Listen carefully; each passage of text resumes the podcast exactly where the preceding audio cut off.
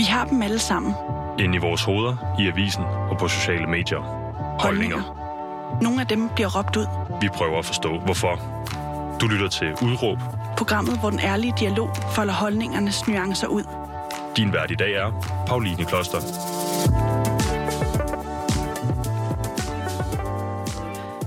Velkommen til dig, der lytter med derude. I dag skal vi snakke om sex, vi skal snakke om kriser, vi skal snakke om nærvær og afsavn, og om muligt, hvordan de ting er forbundet. Øh, det skal vi med dig, øh, Fanny Broholm. Velkommen til. Tak skal du have. Du er sex coach, kan man vel øh, godt sige, altså fra øh, det tantriske institut, er det ikke sådan? Øh, sex, kærlighed og relationscoach. Jo. Fordi det er meget bredere end bare sex, fordi det nemlig også handler om kærlighed og relationer, ikke, ikke sandt eller hvad? Jo, det er Hvad- meget bredt. Hvad vil, det, hvad vil det sige at være sådan en øh, form for coach? Jamen, det er noget lidt nyt i Danmark, tror jeg. Jeg har ikke stødt på så mange andre, der er det end mig. Øhm, men det er en øh, international uddannelse, jeg har taget, hvor at man øh, går dybere end sådan den normale samtaleterapi, hvor man ligesom går ned og, og kigger på den her body-mind-forbindelse. Mm. Øh, ja, hoved-krops-forbindelse. Men det er også en eller anden form for terapi, fordi der også kommer nogle ting op fra barndommen, eller hvordan og hvorledes. Det er helt klart, øh, jeg synes, det er en meget mere dybtegående form for terapi, end bare samtale. Fordi man netop går ned og mærker efter, hvor der ligger eventuelle sådan, blokader og ja, sådan energetiske blokader. Det kan godt lyde lidt svært at forholde sig til for nogen, men helt klart i ens nervesystem ligger der sådan historik fra det, man har oplevet netop som i barndom eller med sin familie, Okay. øh, som tit blokerer for det, vi faktisk rent, rent faktisk gerne vil gå hen imod og opleve i vores forhold og med sex. Og du har jo øh, højst sandsynligt, kan jeg forestille mig, arbejdet enormt meget med det her, også med dig selv. Mm, ja. Øh, hvad, hvad betyder det, at der er en øh, energetisk blokering? og det lyder lidt øh, woo-woo, altså, øh, men, øh, men det, det betyder egentlig bare, at vores krop og vores nervesystem husker øh, nogle traumatiserende oplevelser. Det kan være helt små oplevelser, men oplevelser, hvor vi føler os øh, forkerte, eller føler os, øh, rent faktisk føler, at vi bliver udstødt fra flokken, mm. hvilket kan være livstruende, hvis man er en, en, et barn eller en en teenager. Øhm, og nogle af de her oplevelser, de kan simpelthen være i kroppen, hvis ikke vi har reageret på det fysisk. Altså dyr i dyreverdenen ser vi, hvis de bliver jaget, hvis der er en, øhm, ja, en eller anden form for dyr, der er blevet jaget af en leopard. Når leoparden så ikke fanger dem, så ryster de, og de løber videre, og de ligesom vender tilbage til deres flok, øhm, og sådan meget kropsligt kommer ligesom tilbage til deres oprindelige øhm, sådan stadie i deres nervesystem. Det gør mennesker oftest ikke, fordi vi har lært, at det er forkert at udtrykke os kropsligt. Øhm, og der kan simpelthen være nogle stresscykluser, som ikke er afsluttet, øh, som man kan gå ned i kroppen og mærke i, i forbindelse med, hvad man ønsker sig, om der ligger noget traumatisk, som ikke er blevet afsluttet, som så kan afsluttes gennem kroppen, hvis det giver mening. Jamen, det, det, jeg synes, det lyder øh, logisk, men det jeg også tænker på, det er, er det, øh, altså, er det noget, der er, sådan, er videnskabeligt bevist, eller er det mere over i den sådan, spirituelle øh, genre, hvor, hvor øh, ja, Altså lige det her med, om det er energetisk, øh, det, det tror jeg, at videnskaben helt klart mangler noget viden på, øh, desværre. Men øh, det her med, at nervesystemet kan rumme gammel historik, øh, og, og den her slags, ja, bearbejdningen er baseret på, på sådan neurovidenskab øh, meget, langt hen ad vejen. Og så er der så ligesom et ekstra lag af det spirituelle, som ligesom arbejder med noget af det, som videnskaben endnu ikke har ligesom bevist. Kan være kortlagt. Ja. kortlagt øh, med deres begrænsninger, kan man sige.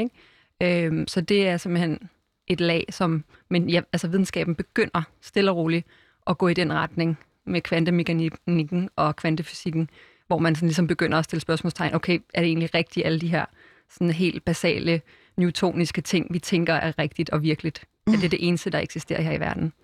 Wow, det bliver spændende det her. Ja. Og jeg kan sige, at vi skal altså lave en kropsøvelse til sidst, hvor det, du derude er velkommen til os at, øh, at følge med. Mhm. Øh, jeg er ligesom øh, din testkanin, Ja. ikke også? Ja. Eller du har jo gjort det med masser af gange før, så Mhm. måske bare øh, testkanin i dag, ikke? Jo. det glæder jeg mig til. Ja. Det bliver mega spændende. Og der er noget med øh, noget, vi skal huske i den her forbindelse. Er det ikke rigtigt? Øh, Jo. Eller er det sådan, ja. Jo, altså øh, det, som jeg godt kunne tænke mig, at både du og lytterne ligesom tuner ind til i løbet af den her udsendelse frem mod, at vi skal lave den her øh, øvelse, hvor vi går ned i kroppen, Mm. Det er, om man ligesom kan øh, sætte en intention for øh, hvor det er, man gerne vil hen i forhold til intimitet. Nu er temaet jo Afsavn. Øh, afsavn øh, og afsavn som afsæt til nærvær. Øh, så det her med at tænke over, hvad, hvad drømmer jeg virkelig om? Hvad er mit dybeste ønske i forhold til intimitet, i forhold til nærvær? Er det mere intimitet og nærvær med mig selv? Er det med min eventuelle partner? Er det med en ny partner? Hvad er mit dybeste ønske i forhold til ja, nærvær? Øhm, Og det øh, sagde du lige til mig, inden vi gik ind her i studiet, og så sagde jeg, at der, hvor jeg godt kunne tænke mig at arbejde, det er at få mere nærvær i forhold til min øh, øh, kæresterelation, jeg har. Mhm. Øhm, så, så, så er man ligesom forberedt på det. det. Det kunne jeg godt tænke mig at arbejde med. Ja. Simpelthen at blive endnu mere nærværende, men jeg, bliver, jeg begynder også lidt at smile, ikke? fordi jeg bliver sgu også nervøs. ja, altså, Forståeligt. Mega, mega nervøs. ja, forståeligt. Men det er jo også fordi, at de her emner, altså sex, kærlighed, relationer, de er desværre stadig tabubelagte. Ja. Og vi har rigtig svært ved at snakke med hinanden om det. Både venner, familie og specielt kærester faktisk kan have rigtig svært ved at snakke om intimitet. Øhm, og derfor så bliver det jo også endnu vigtigere, at man, at man altså, tuner ind i, hvad er det egentlig, jeg ønsker mig? Hvor vil jeg gerne hen? For at kunne stille og roligt arbejde hen imod og kommunikere de her ønsker.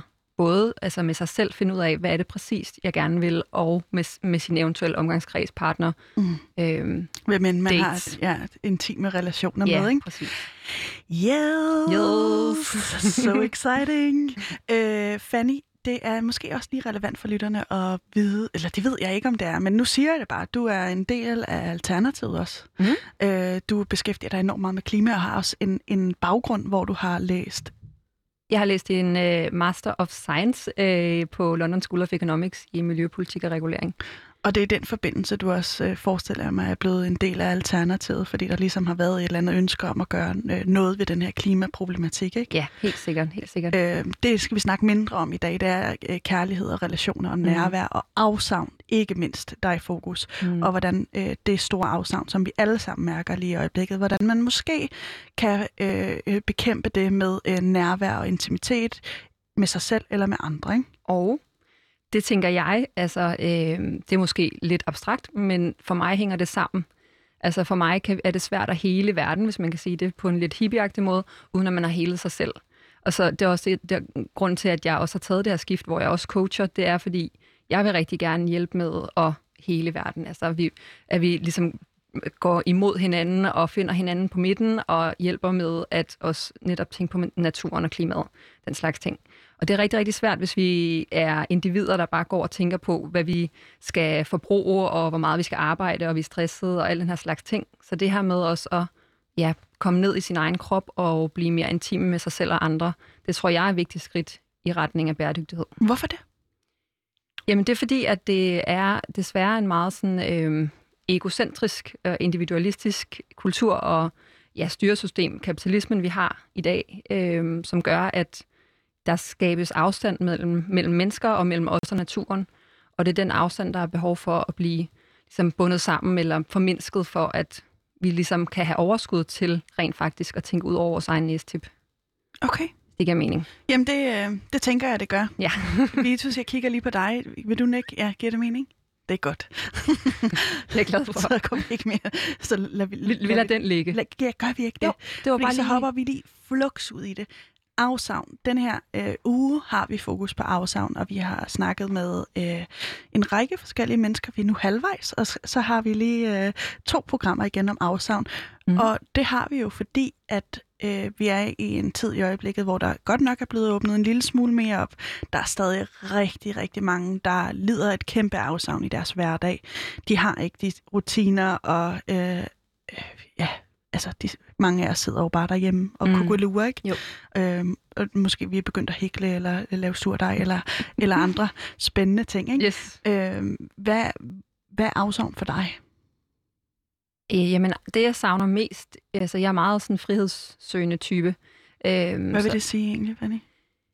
Jamen, det er, at jeg godt kan lide at øh, bryde nogle af de normer og grænser, som der sættes op som værende sådan, ja, øh, sådan bør man gøre. Øh, fordi at det føler jeg, at det frarøver noget, noget personlig frihed.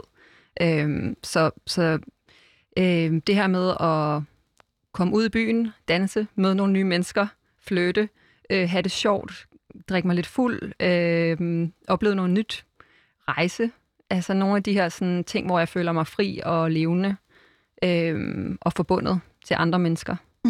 Det savner jeg rigtig meget. Det savner du? Ja, det kan jeg virkelig godt forstå. Det gør jeg altså også. Mm. Særligt den der med at rejse, må jeg godt nok sige, hold da op, og har jeg i går aften sad jeg faktisk og, og trykkede ind på Google Maps, at jeg øh, så trykkede jeg på Trinidad Tobago, Øh, og så gik jeg simpelthen i Google Maps rundt i de der gader i det karibiske øhav, fordi jeg savner. Jeg vil så gerne få en for oplevelsen. Så er man altså tørlagt på Så er rejsefronten. man altså tørlagt, ikke? Men jeg tænker også, det kan være en sindssygt god motivation til os, og det gør jeg i hvert fald i øjeblikket. Når jeg har det kæmpe afsavn, så planlægger jeg, okay, men når det så åbner op igen, øhm, så kunne jeg godt tænke mig at, at ikke bare at tage et smut til London eller Amsterdam eller andre steder, som jeg har været, ikke? Mm.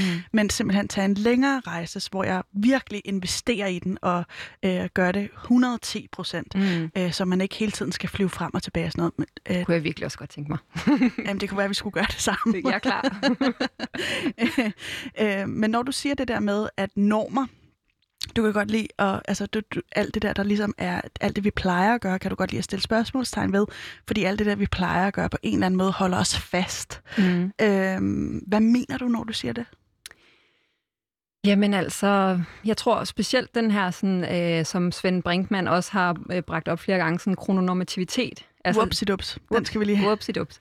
Ja, altså, øh, det betyder den her øh, sådan livsudvikling, som ligesom er lagt ud fra normer. Hvad burde man gøre? Hvornår skal man giftes? Hvornår skal man have børn? Hvornår skal man flytte øh, til et hus og have en bil og have en vovse og den her slags ting, ikke? Altså, det er det, som han kalder krononormativitet. Han har det sikkert fra en eller anden filosof. Mm. Øhm, men, men hvor at øh, den her normativitet omkring, hvornår man skal hvad, den, den føler jeg mig simpelthen meget fanget af.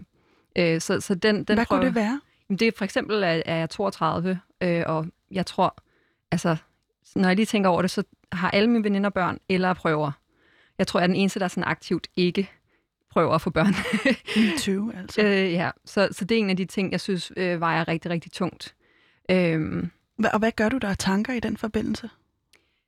Jamen, jeg gør mig øh, den, den tanke selvfølgelig, altså det, det, det biologiske, men også det sociale i det, altså at man bliver ligesom, øh, man kommer længere væk fra, fra dem, man er intime og tætte med, hvis ikke man følger deres livsudvikling. Øh, og det kan være hårdt, men, men det vigtige for mig er at følge min, min egen sandhed, øh, og ligesom forankre ned i, hvad er det, jeg egentlig dybest set ønsker mig, ikke hvad, hvad der er forventet af mig. Og du ønsker ikke et barn lige nu og her? Nej, Mm. bestemt ikke. Altså, hvis jeg, hvis jeg kunne vente 10 år, så ville jeg gøre det. Det kan du ikke. Det kan jeg ikke. det kan, Er det ikke det, nøjeren, kan, mand? det, det, det, kan, det kan jeg måske godt. Ja, hvis du får nedfrosset nogle æg og sådan Ja, noget, ikke? Eller, men altså- eller er heldig. Men det, det, det er meget stort, lige præcis det her med børn, det er et meget stort dilemma. Men det er det virkelig. Og hvad, hvad, hvordan, hvor står du henne? Altså, har, har du noget i pipeline, eller har du udtænkt en plan? Jamen indtil videre, så tracker jeg min cyklus meget nøje. Okay, Så øh, det, det er ligesom det, der er planen. At, så hvis det sker alligevel, altså så gå ud fra, at det, det er den type Ja. prævention, du bruger, eller hvad? Ja. ja. Ja. Wow. ja, så det er lidt uh, living on the edge, når jeg har sex. tak for kaffe. Det, shit. det er også meget fedt. altid den her lille buffer, ikke? Kommer Ja. ja. den, eller kommer den ikke? Ja. Nå, vildt nok. Ja. Så hvis det sker, så sker det. Altså nu har jeg fået tre aborter. Nu er Okay. jeg bare helt, øh, helt ærlig. Ja. Øh, og det, det er godt nok hårdt. Ja. Altså både fysisk og psykisk. Øh, Hvordan hår- hårdt oplever du det? Altså for det første gjorde det brandhamrende ondt. Altså øh, når jeg, jeg tog det, øh, altså pilleform øh, har jeg taget to gange, og en gang, øh, hvor jeg med indlæggelse, ikke? Øh, og, og det her med at ligge derhjemme og ja, øh, skulle have et barn ud af maven, det er ikke, det er ikke for børn. Øh, selvom min mandlige gynekolog sagde, at det er bare ligesom menstruationssmerter. Ja, tak. det har du tydeligvis ikke prøvet. Øh, nå, så det, det har jeg ikke lyst til igen. Og netop på grund af min alder, og på grund af, at jeg øh, virkelig elsker den mand, jeg er sammen med. Så ja, så næste gang, så klapper fælden, men øh, det føles bare, ja, det føles øh, som lidt af en fælde. Ja, jamen så må man jo øh, arbejde med det, man har. Altså for nylig er jeg også begyndt at dykke lidt ned i det der, fordi at øh, der er mange, der er ældre mennesker, som har børn. Øh, nu har jeg hørt det to gange øh, i to forskellige podcast, hvor folk på 50 og sådan noget Mhm. mm-hmm. sidder og snakker om børn. Ikke? Og det, de siger, det er, at man bliver sgu ikke klar til det. Det kaster på hovedet ud i det, Mm. og så må man arbejde med det, man Ja. har. Så det, det Det tænker sagde jeg, min mor også altid. det synes jeg bare er nøjeren, ja. at man skal gå den retning, og så øh, overhovedet ikke øh, være sikker på, at det er det rigtige Ja. for en selv. Ikke? Jo. Og Men- der er no way back, jo. Det er det. Og uret tækker, og det hele øh, kører, ikke? nå, nå. Øh, Fanny, vi skal jo snakke lidt om, hvordan du har det med øh, afsavn, nærvær og alt det her, også igennem din, din livshistorie, Mm. øh, som vi jo overhovedet ikke når at, at, at, at tegne et, et helt og fuldt billede af, men, men med brudstykker ned igennem det, det, det eller op igennem dit liv. Ikke? Mm. Øh, men er øh, øh, nærvær det modsatte af afsavn for dig? Ja, det synes jeg. Det synes jeg helt klart. Altså det her med at være ja, sådan aktivt nærværende øh, over for sig selv og i relationer. Og ja, og, og ligesom have det, man være nærværende over for det, man, man savner, kan man sige. Altså det er jo så øh, det modsatte af at, og ikke at være, altså være langt fra det og være afkoblet fra det, både mentalt og fysisk. Mm. Så, så det, det er et meget fint link, vi kan lave til netop det der med afsavn og sådan noget. Og så bliver jeg jo ekstremt nysgerrig på din barndom. Mm. Altså, hvordan har du haft det med henholdsvis nærvær og afsavn øh, i din barndom, og, og hvor, hvor, hvordan har den været? Altså, hvor, hvor er du fra? Og, who are you? Jamen, jeg har haft en meget, meget god og tryg øh, barndom med altså meget ja, øh, kærlige og omsorgsfulde og kloge og ja, gode forældre. Øh, men min far blev øh, ret tidligt i mit liv syg. Øh, hvad, hvad er ret tidligt i dit liv? Jamen, hvad var jeg? Måske 10, 12? Mm. Noget af den stil. Øhm, og han havde så et, et, øh, et langt sygdomsforløb på, på en 10 års tid, inden han så døde, da jeg var 20.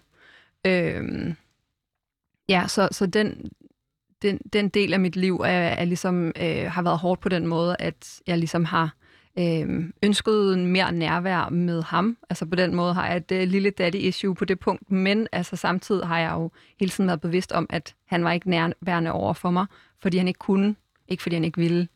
Øhm, og det tror jeg er et vigtigt, en vigtig ting at, at skælne de to ting. Mm. Øhm. Hvorfor er det vigtigt? Jamen, fordi jeg tror, at øh, der først kommer rigtig daddy issues, hvis man føler, at man ikke er elsket. Øhm, så, så er det, at, øh, og det, det er der desværre rigtig mange, der føler med deres ja, fædre. og det gør jeg, Ja. eller har i hvert fald gjort. Det er noget, jeg arbejder løbende med. Ja. Hvorfor tror du, at det er særligt at sådan en som mig, så der får sådan nogle daddy issues? Jamen, det, det tror jeg ikke er særligt dig. Det tror jeg er meget, meget generelt. Jeg, ved, jeg tror ikke, jeg har stødt på en, der ikke har daddy issues. Det er måske et par stykker, eller sådan noget. Øh, altså, der er, øh, der er jo den her sådan, kønsforskel også på, hvordan øh, mor og far interagerer med børn. Og, øh, og, og der er, er generelt, der er jo selvfølgelig helt klart ved at ske en udvikling nu, og der er mega meget afvielse også tilbage i tiden. Men altså det her med, at, øh, at det er moren, der er den primære øh, ja, Ja. Omsorgsgiver. omsorgsgiver, caretaker havde jeg lige i hovedet. Mm. Men ja, øh, at, at det, det gør jo så, at der er en form for afstand mellem far og børn. Det kan der i hvert fald være. Mm. Øh, og at, at børnene ligesom higer efter den her anerkendelse fra far, øh, som også tit er den, der er indpiskeren i forhold til, har du nu fået gode karakterer? Ja, husk nu at ansøge til det her job. øh, De her ting, ikke? Øh, så hvor at moren er mere sådan den her universelle øh, kærlighedsfigur, øh, der bare er, er ren omsorg, ikke? Altså i hvert fald sådan i, i dybden. Øh, Og i, i, i mange tilfælde nok, i mange ikke? tilfælde, ja. Men- øhm, så, Men, men det blev også nysgerrig på, altså når du så alligevel har mærket en eller anden form for afsavn i forhold til din fars sygdom, altså hvordan så det ud, øh, da du var barn konkret? Jamen, han øh, var meget højsensitiv og havde stress og angst og depression. Øh, så han havde brug for ligesom, at trække sig og beskytte sig selv. Øh, altså, det var i hvert fald den følelse, han havde i kroppen. Ikke? Også ligesom isolere sig lidt. Øh, så det her med sådan, at have en glad og sprudlende far, der er ude i stuen og giver en et kys på kinden og sådan noget, det, det er ikke det billede, jeg har haft af min far. Øh, Hvad er det for et billede, du har? Hvad, hvad husker du? Jeg husker, at han øh, sad meget altså for sig selv inde på sit kontor eller nede øh, på badeværelset, hvor han ligesom har, har ja, siddet i sine egne følelser og ligesom ikke har, har, har kunnet deltage så meget, selvom jeg helt klart havde fornemmelsen af, at han gerne ville det. Okay. Øhm, så det er ligesom, der, der var et stort afsavn på en sådan øh, stærk og overskudsagtig kærlig far. Og hvor placerede det dig? Ude for døren? Ude for den badeværelsesdør? Eller, eller, Men man kunne altid gå ind til ham, men, men altså, han, han var bare meget op i sit eget hoved, ikke? mm. og lyttede til øh, noget, noget sørgelig farmusik øh, og sådan noget. ja. Og søgte søgt du ham? Altså, øh... mm, nej, heller ikke så meget. Jeg havde en meget, meget, meget fantastisk mor. Hun døde så, da jeg var 30.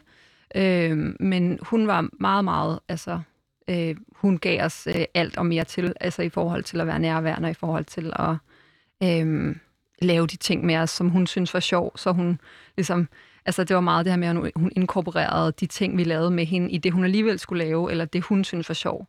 Altså jeg ser meget en tendens til mødre øh, nu for tiden, at de sådan opoffrer sig, så må jeg lege med ham i tre timer på gulvet, eller et eller andet, ikke? hvor det er sådan, okay, men du har ikke lyst til det, du synes ikke, det er fedt, så synes han heller ikke, det er fedt i, i længden, eller også så, så altså, det er en uholdbar relation, kan man mm. sige, ikke?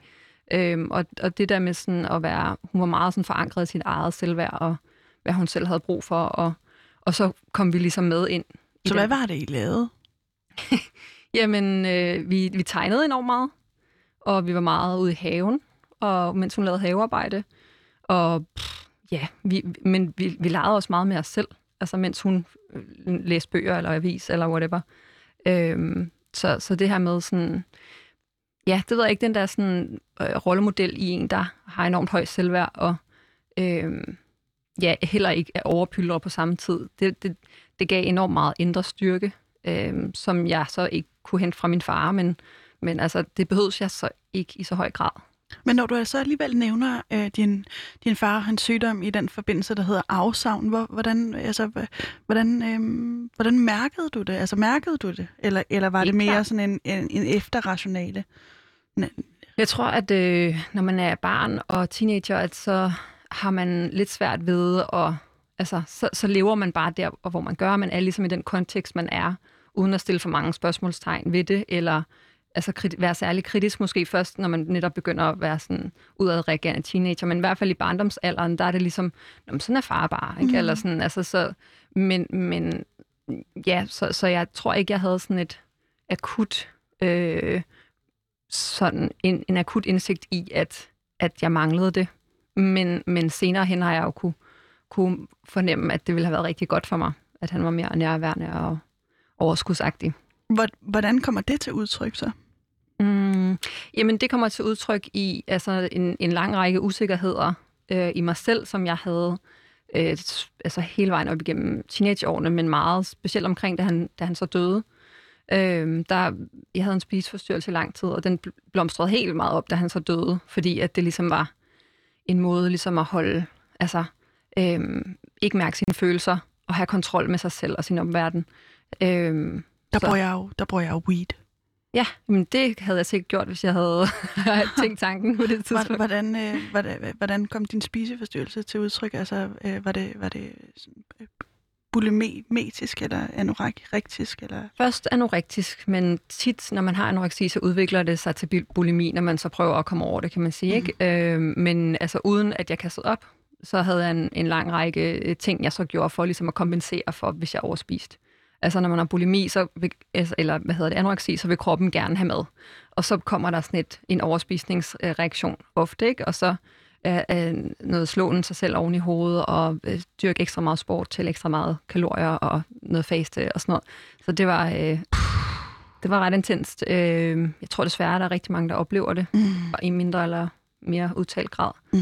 Og det er simpelthen så pissefarligt. Det, det optager meget, meget øh, tid, tankevirksomhed og energi til noget, man ellers kunne gøre er godt for sig selv, kan man sige. Ikke? Mm. Øhm, så det, det ved at komme ud af spiseforstyrrelsen og altså, arbejde med mit selvværd. Og, altså, det er primært det her med, at det har frigivet så meget energi. Jeg har simpelthen så meget energi til at gøre alt muligt og ja, være alt muligt for andre. Og, og når du siger, at det på en eller anden måde har, har skabt noget dårligt selvværd, hvad var det så, du ikke kunne lide? Altså, var det, var det hele dig? Var det dele af dig? Var der noget, du havde set dig sur på? Eller hvordan... Øh... Øh, altså, jeg tror, at jeg havde sådan lidt body dysmorphia. Det ved jeg slet ikke, hvad er. Nå, men det er sådan en altså, forvrængning af, hvordan ens egen krop ser ud. Mm. Altså, øh, jeg vurderede den til at være så, se ud på en anden måde, end den rent faktisk gjorde, fordi at jeg så det gennem mine briller med, med dårlig selvværd. Mm, altså, jeg så mig selv som værende meget tykkere, end jeg var. Altså, og, og meget mere sådan, det ved jeg ikke, altså alle de små fejl var, blev ligesom forstørret. Og hvad er det for små fejl, du så særligt? Jamen, specielt øh, sådan bare lidt appelsinhud og lidt... Var det på ballerne, eller? Øh, ja, sådan lårballeragtig, øh, ja. og deller på armene, eller sådan bare, mm. bare ting, der ikke lignede modellerne i bladet, kan man sige, ikke? Øh, på det tidspunkt var det jo et meget, meget, altså op igennem 90'erne, meget usundt, meget, meget stygt øh, kropsideal. Ja, tak for øh, kaffe, mand. Men det var med, med 60-bukser og sådan noget, og du ja. skulle helst have så lavtallet som muligt, ikke? Ja. Og det var ikke godt, hvis du havde hofter, kan jeg bare lige hilse at sige. Nej, det er det. Øh, det, var, det var virkelig, altså, de, de var jo decideret syge, de modeller, som man ligesom spejlede sig i, ikke? Altså, øh, det der sådan sorte render under øjnene øh, look, det var jo en ting, altså, det var sådan, det var fedt, hvis de så ud, som om de var ved at drætte om. Øh, så, så det var det ligesom det, jeg spejlede mig i. Mm. Øh, hvordan kom dit, øh, dit dårlige selvværd ellers til udtryk, og hvad gjorde du for at ændre det?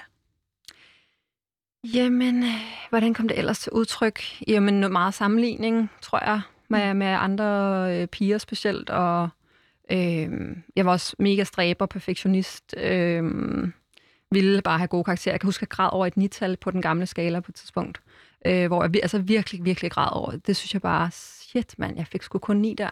Mm. altså, hvor det var sådan, altså, virkelig høje, høje standarder for mig selv. Ja. Øhm, så, så det var... Øh, ja, men, men, men det fyldte faktisk overhovedet ikke så meget, som det kan lyde her. Altså, jeg, jeg, jeg, synes, jeg formåede samtidig ligesom at være øh, til mega mange fester, og være mega åben, og altså have en dejlig kæreste igennem 13 år. Øh, wow. Ja, og, og ligesom ja, Roskilde Festival og altså ud at rejse. Og alt, altså, der var slet ikke, det begrænsede mig ikke, fordi at jeg tror, jeg, altså, at jeg godt vidste inderst inden, at, altså, at det var fjollet. Men, men det fyldte bare alligevel. Altså det var svært for mig at håndtere, vidste ikke, hvordan jeg skulle håndtere det.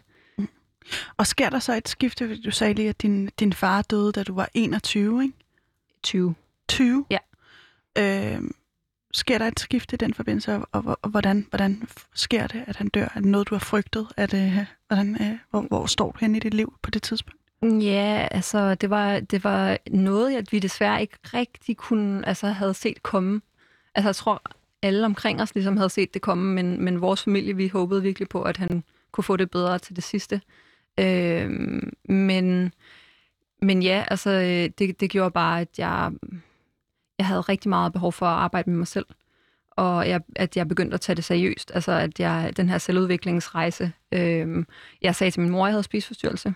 Det er første gang, hun, hun, hun hørte det, også fordi jeg ligesom har spejlet øh, hendes selvværd, og ligesom, fordi hun har været, haft så højt selvværd, så har det ligesom været svært for mig at sige, hey mor, jeg har dårligt selvværd.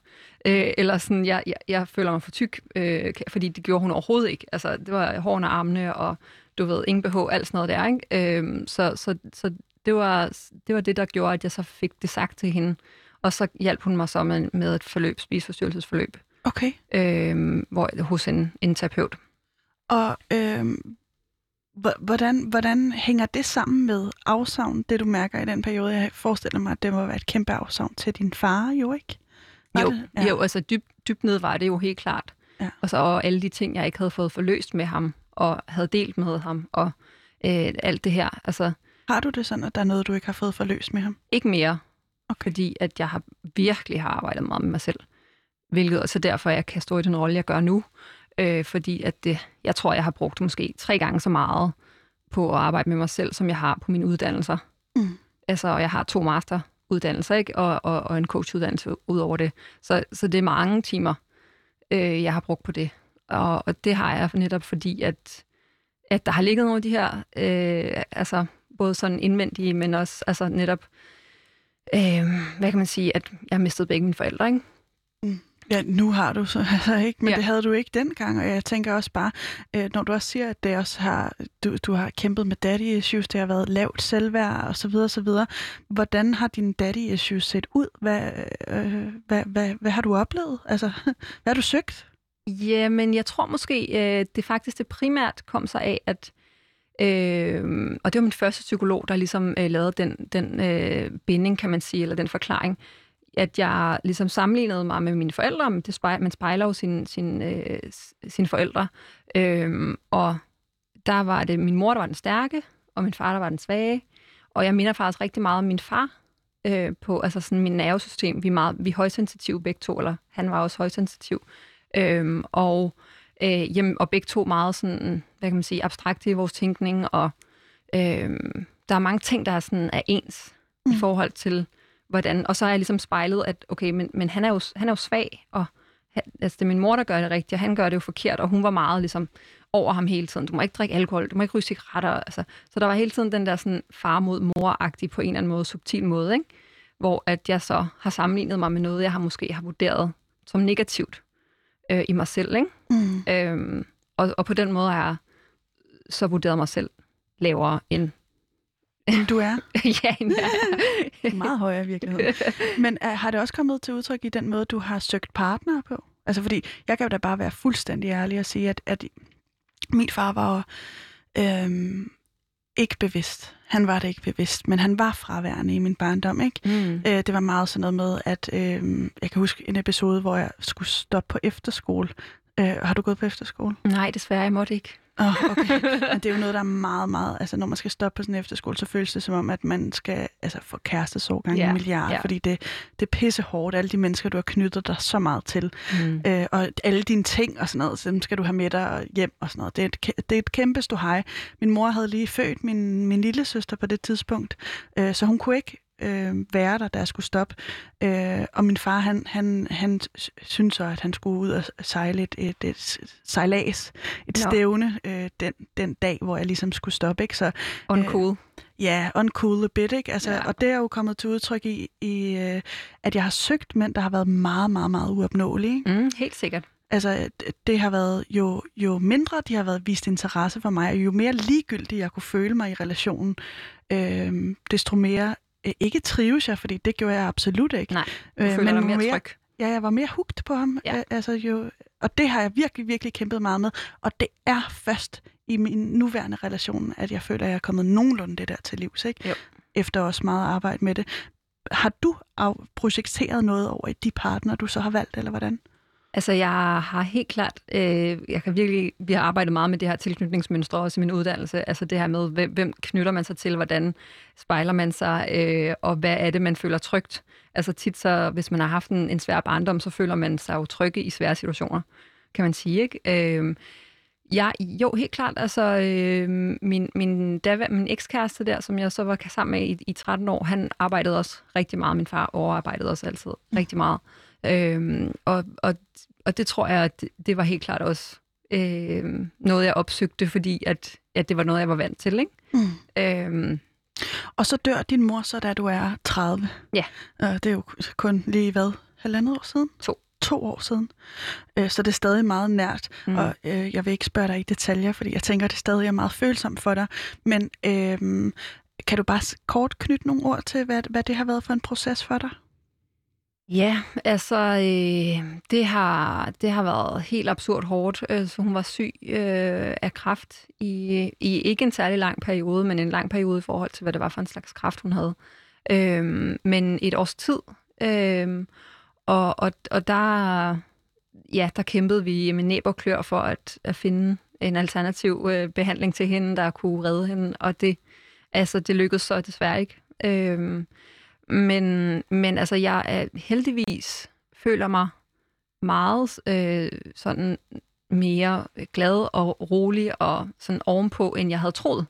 Jeg sagde til en lige hvor, hvor hun var tæt på at dø, sådan, jeg ved ikke, hvad fanden jeg skal gøre. Jeg kommer til at blive depressiv, jeg kommer ikke til at kunne en skid, jeg kommer bare til at, at ligge i sorg resten af mit liv, og hun var bare sådan, slap nu af, det skal nok gå, ikke? Altså, fordi... Åh, oh, jeg blev helt rørt, mand. Fuck, det ja. er sejt. Ja, men, men og, og, hvad kan man sige, det er jo rigtigt. Altså, jeg har været igennem alt det her med min far, ikke? Og har, har lært alle de her redskaber øh, til det. Så, så hvad kan man sige, det, er jo, det har jo i hvert fald, om ikke andet, forberedt mig til, hvordan jeg skulle håndtere det efterfølgende med mm. min mor, ikke? Ja, wow. Det står og bliver helt rørt. Ja, så sagt tøjer. Hvor sød. øhm, wow. Men øhm, det, det bliver så også et afsæt til, at du ligesom fordyber dig ikke kun i dig selv, men også i det her med tantra og spiritualitet og så videre, så videre. Mm-hmm. Vil du ikke lige prøve at beskrive, hvordan, hvordan det, den uh, awakening bliver? jo, altså... Øh, det tror jeg var, var meget, altså det her med, at man spejler sig i sine forældre, det tror jeg lægger rigtig, rigtig meget låg på mange af os i forhold til, hvad det er, vi øh, ligesom føler, vi skal leve op til, mm. øh, og hvad for nogle forventninger vi prøver at indfri i forhold til vores forældre. hvor at, øh, hvad kan man sige, min mor og, og jeg gik ligesom samtidig ind i Alternativet, og var ligesom sådan, øh, hun vi er altid blevet opdraget med sådan, at vi skal redde verden. Det var ligesom, øh, det var sådan hovedgrundsætningen, sådan, gør verden til et bedre sted, øh, og det er bare det, I skal. Bare fokusere på det.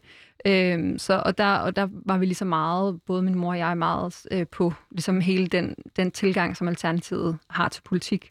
Øh, den kunne vi virkelig, virkelig se os selv i, fordi det er sådan en meget mere holistisk tilgang, øh, hvor man ikke altså, ja, bare skruer lidt på noget CO2 og sådan noget. Ikke? Øh, så, øh, så, så det havde vi rigtig, rigtig meget sammen, og det var også, tror jeg, en af de grunde... Kan man ikke sige i hvert fald i starten, ikke? Altså, er, de ikke faldet, er I ikke faldet lidt af på den, eller er det bare mig? Jamen, vi har jo haft en masse personsager, men det ændrer jo ikke på vores politik.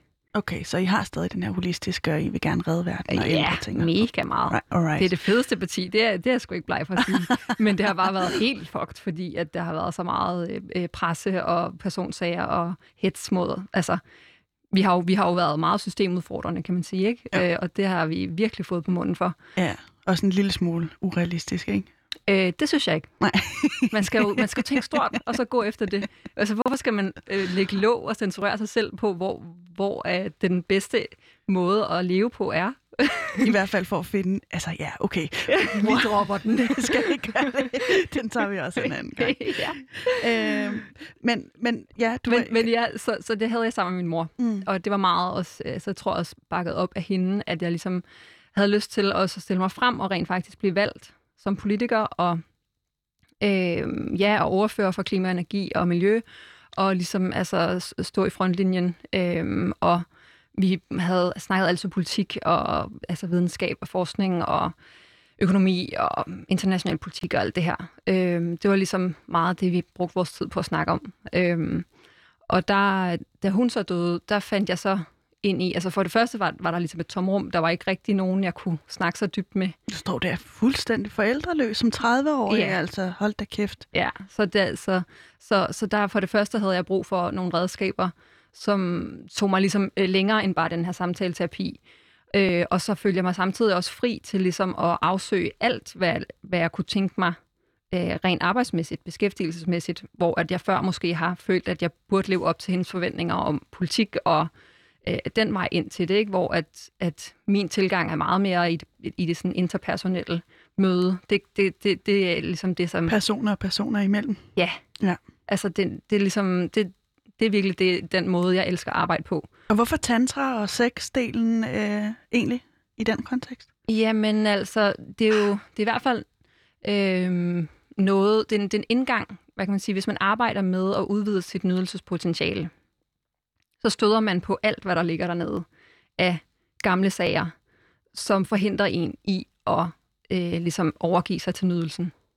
Så det er ligesom sådan en indgang, indgangsportal til at arbejde med alt, hvad der ligger. Altså fissen er en øh, indgangsportal? Nej, nej, altså nej. selve, altså selve det med, øh, jo, det kan man vel også sige. Det er det da.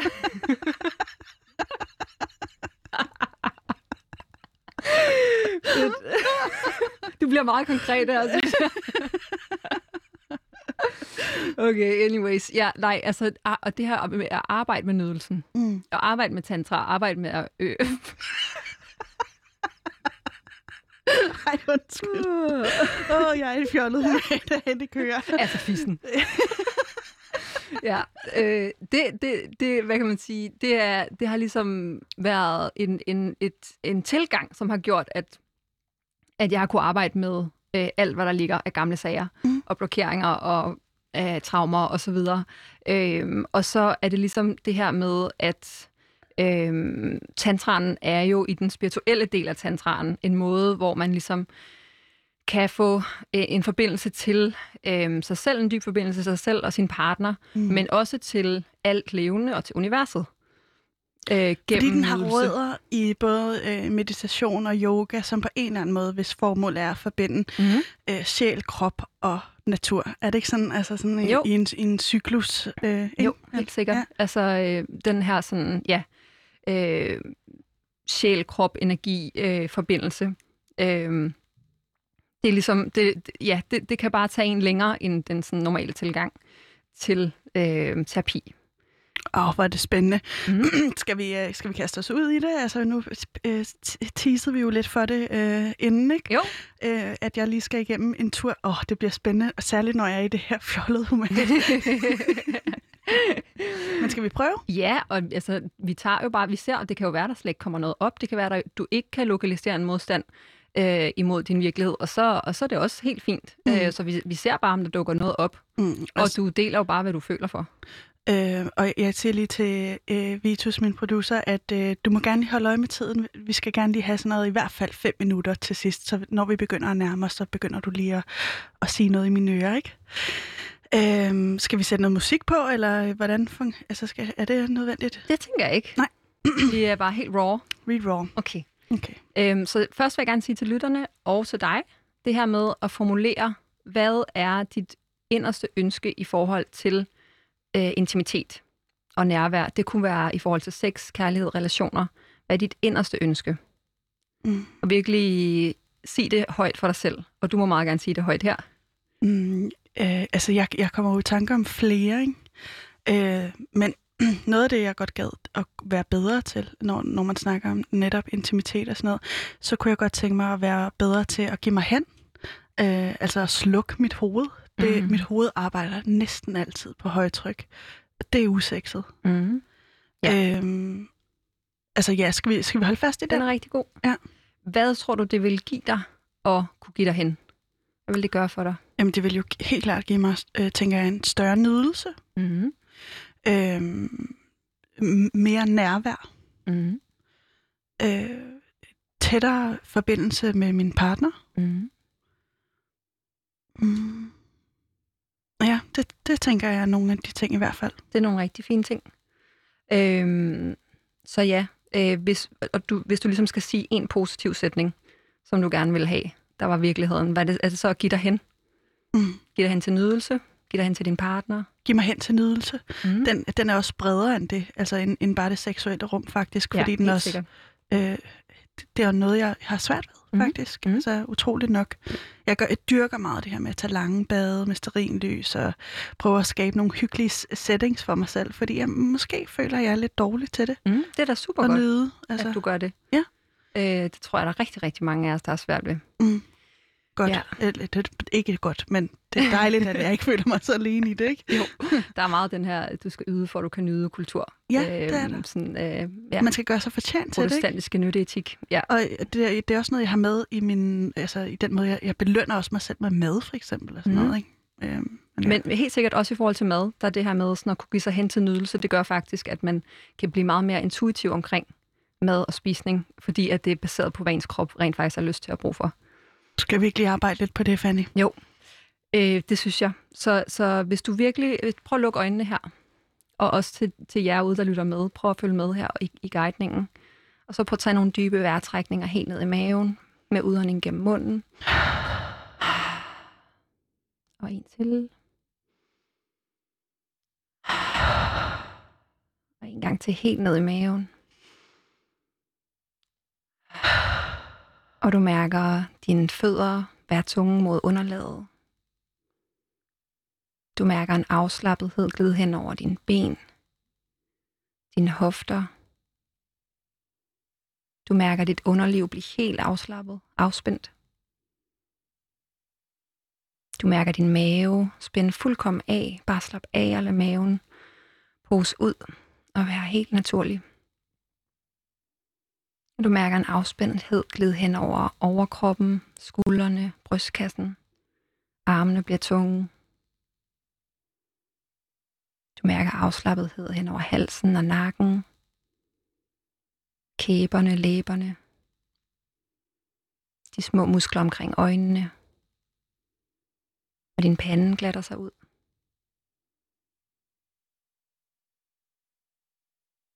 Og i den her helt afslappede tilstand, så begynder du at fokusere ind i din krop. Virkelig mærke din krop indenfra. Så begynder du at forbinde til den her virkelighed, hvor du kan give dig fuldkommen hen til nydelse. Du kan virkelig se dig give plads til større nydelse, nærvær og forbindelse til din partner. Sluk for dit hoved. Bare vær i din krop. Og giv dig hen til nydelsen. Prøv at øh, forestille dig den her virkelighed med alle fem sanser. Vores hjerne har svært ved at finde ud af, om det rent faktisk sker, eller om vi forestiller os det meget detaljeret med sanserne. Så lige nu, der laver du faktisk den her virkelighed op i dit hoved. Du skaber den her virkelighed. Så prøv at forestille dig, hvad, hvad du ser omkring dig, hvad du kan smage, høre, dufte, mærke, både uden på din krop og inde i din krop. Virkelig få alle detaljerne med.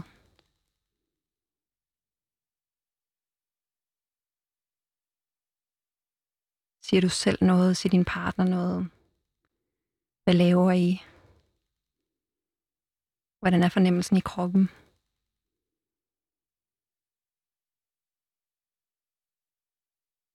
Så lige tage en par vejrtrækninger i den her virkelighed.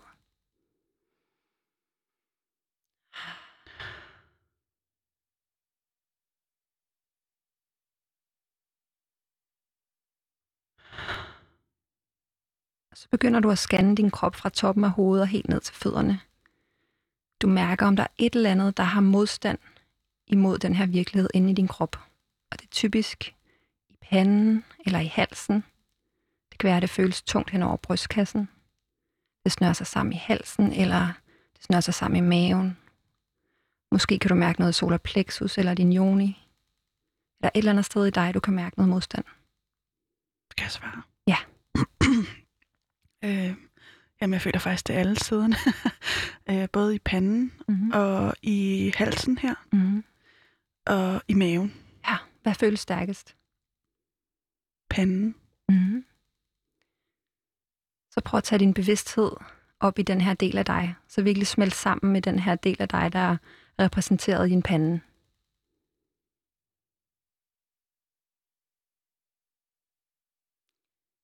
Og så snakker jeg direkte til det her sted i dig. Så svarer du fra det her sted i dig, gennem dig. Så Paulines pande. Hvorfor føles du sådan her? Svarer bare umiddelbart, hvad der kommer op. Det ved jeg ikke. Så prøv at, prøv at give dig lidt tid. Prøv at fornemme, hvorfor føles din pande sådan her. Hvad er der modstand imod? Hvis ikke der kommer noget op, er det også helt fint. Kontrol. Ja, rigtig godt. Hvorfor er det vigtigt at have kontrol?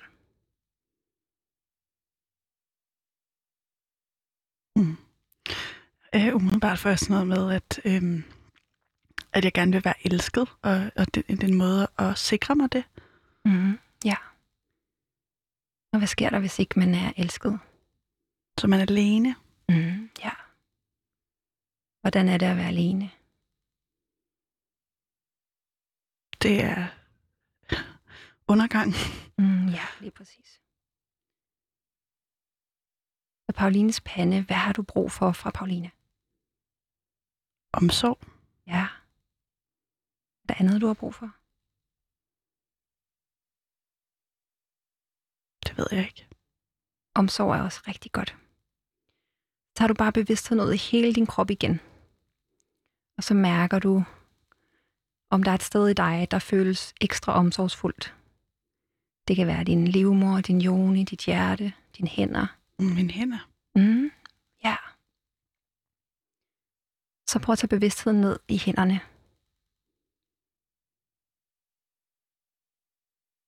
Og så spørger jeg direkte, Paulines hænder. Vil I kunne give omsorg, accept, måske ovenikøbet kærlighed til Paulines pande? Mm-hmm. Ja. Kan, kan jeg lægge mine hænder på? Lige præcis. Det er lige præcis det, du skal.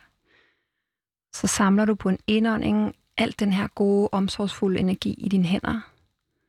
Og på en udånding, så sender du den her energi ind i panden og mærker panden modtage med hver en celle den her omsorgsfuldhed, kærlighed, accept. Den her følelse i panden, den er her bare for at beskytte dig mod det at være alene. Det er okay.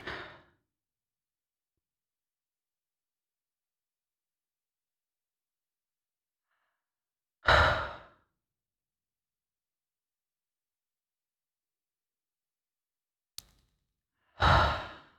klarer det rigtig godt. Jeg fået at vide, Fanny, at der er tiden er ved at være. Kan jeg åbne så småt? og Det var øh, helt perfekt. Vi nåede lige til afslutningen. Uh, det var, det var, øh, Hvordan det var var det? dejligt. Ja, hvad tager du Helt med? vildt dejligt. Øhm, jeg tror, jeg vil prøve at gå hjem og, og lave den her øvelse. Mhm. Øhm, fordi jeg var også meget opmærksom på, at jeg var her i studiet og med tiden også. Ja. Og så øh, bemærkede jeg rigtig meget mine ben også. Mm-hmm. Øh, at det var som om, for at holde balancen, så blev jeg nødt til at spænde totalt op, ikke? Jo, det er bedre at sidde ned, helt klart. Ja. Øh, men du gjorde det virkelig godt, og der kom jo nogle rigtig gode ting op. Altså det her med, at du har svært ved at give dig hen, fordi at du gerne vil være i kontrol. Mm. Og den her del af dig, der føler behov for at kontrollere, den gør det for, at, at du skal være elsket. Mm. Så du har følt, at du skulle være på en bestemt måde, som du ikke bare kunne give slip og være dig selv for at være elsket. Og hvis man ikke er elsket, så er man alene, og det betyder undergang. Så der er altså nogle gode grunde til, at du holder fast i den her kontrol. Mm. Og det første skridt er at acceptere den her del af dig og give den omsorg. Så hvis man i øjeblikket mærker afsavn, som jeg øh, og, og os der selv gør, mm. ikke Mhm. også? Øh, hvad, hvad, er der så nogle gode fif til, hvordan man lige skal mærke noget mere nærvær, vende det til sig selv eller til en partner? Mm-hmm. Jamen altså, øh, det vigtigste ved nærvær er jo altså, at være bevidst i nuet. Så det her med at øve sig på noget meditation og noget sådan sensuel dans, hvor man kommer ned i kroppen, mærker sig Åh, selv. oh, yes, det vil jeg elske. Hvordan, er, det, er det bare at fyre den af og danse, eller hvad? Ja, altså øh, for, for eksempel den her følelse, som du har i panden, den kan ligesom danses, i, altså den øh, del af dig kan ligesom personificeres gennem noget dans. Og så kan du ligesom danse den følelse ud igennem kroppen, og ligesom øh, ja, give mere og mere slip, og bare lade dine hofter bevæge sig, og mærke den her sådan, energi igennem din krop. Det er i hvert fald en rigtig, rigtig god måde at bearbejde nogle af de svære følelser, der kan komme op. Wow, det vil jeg prøve.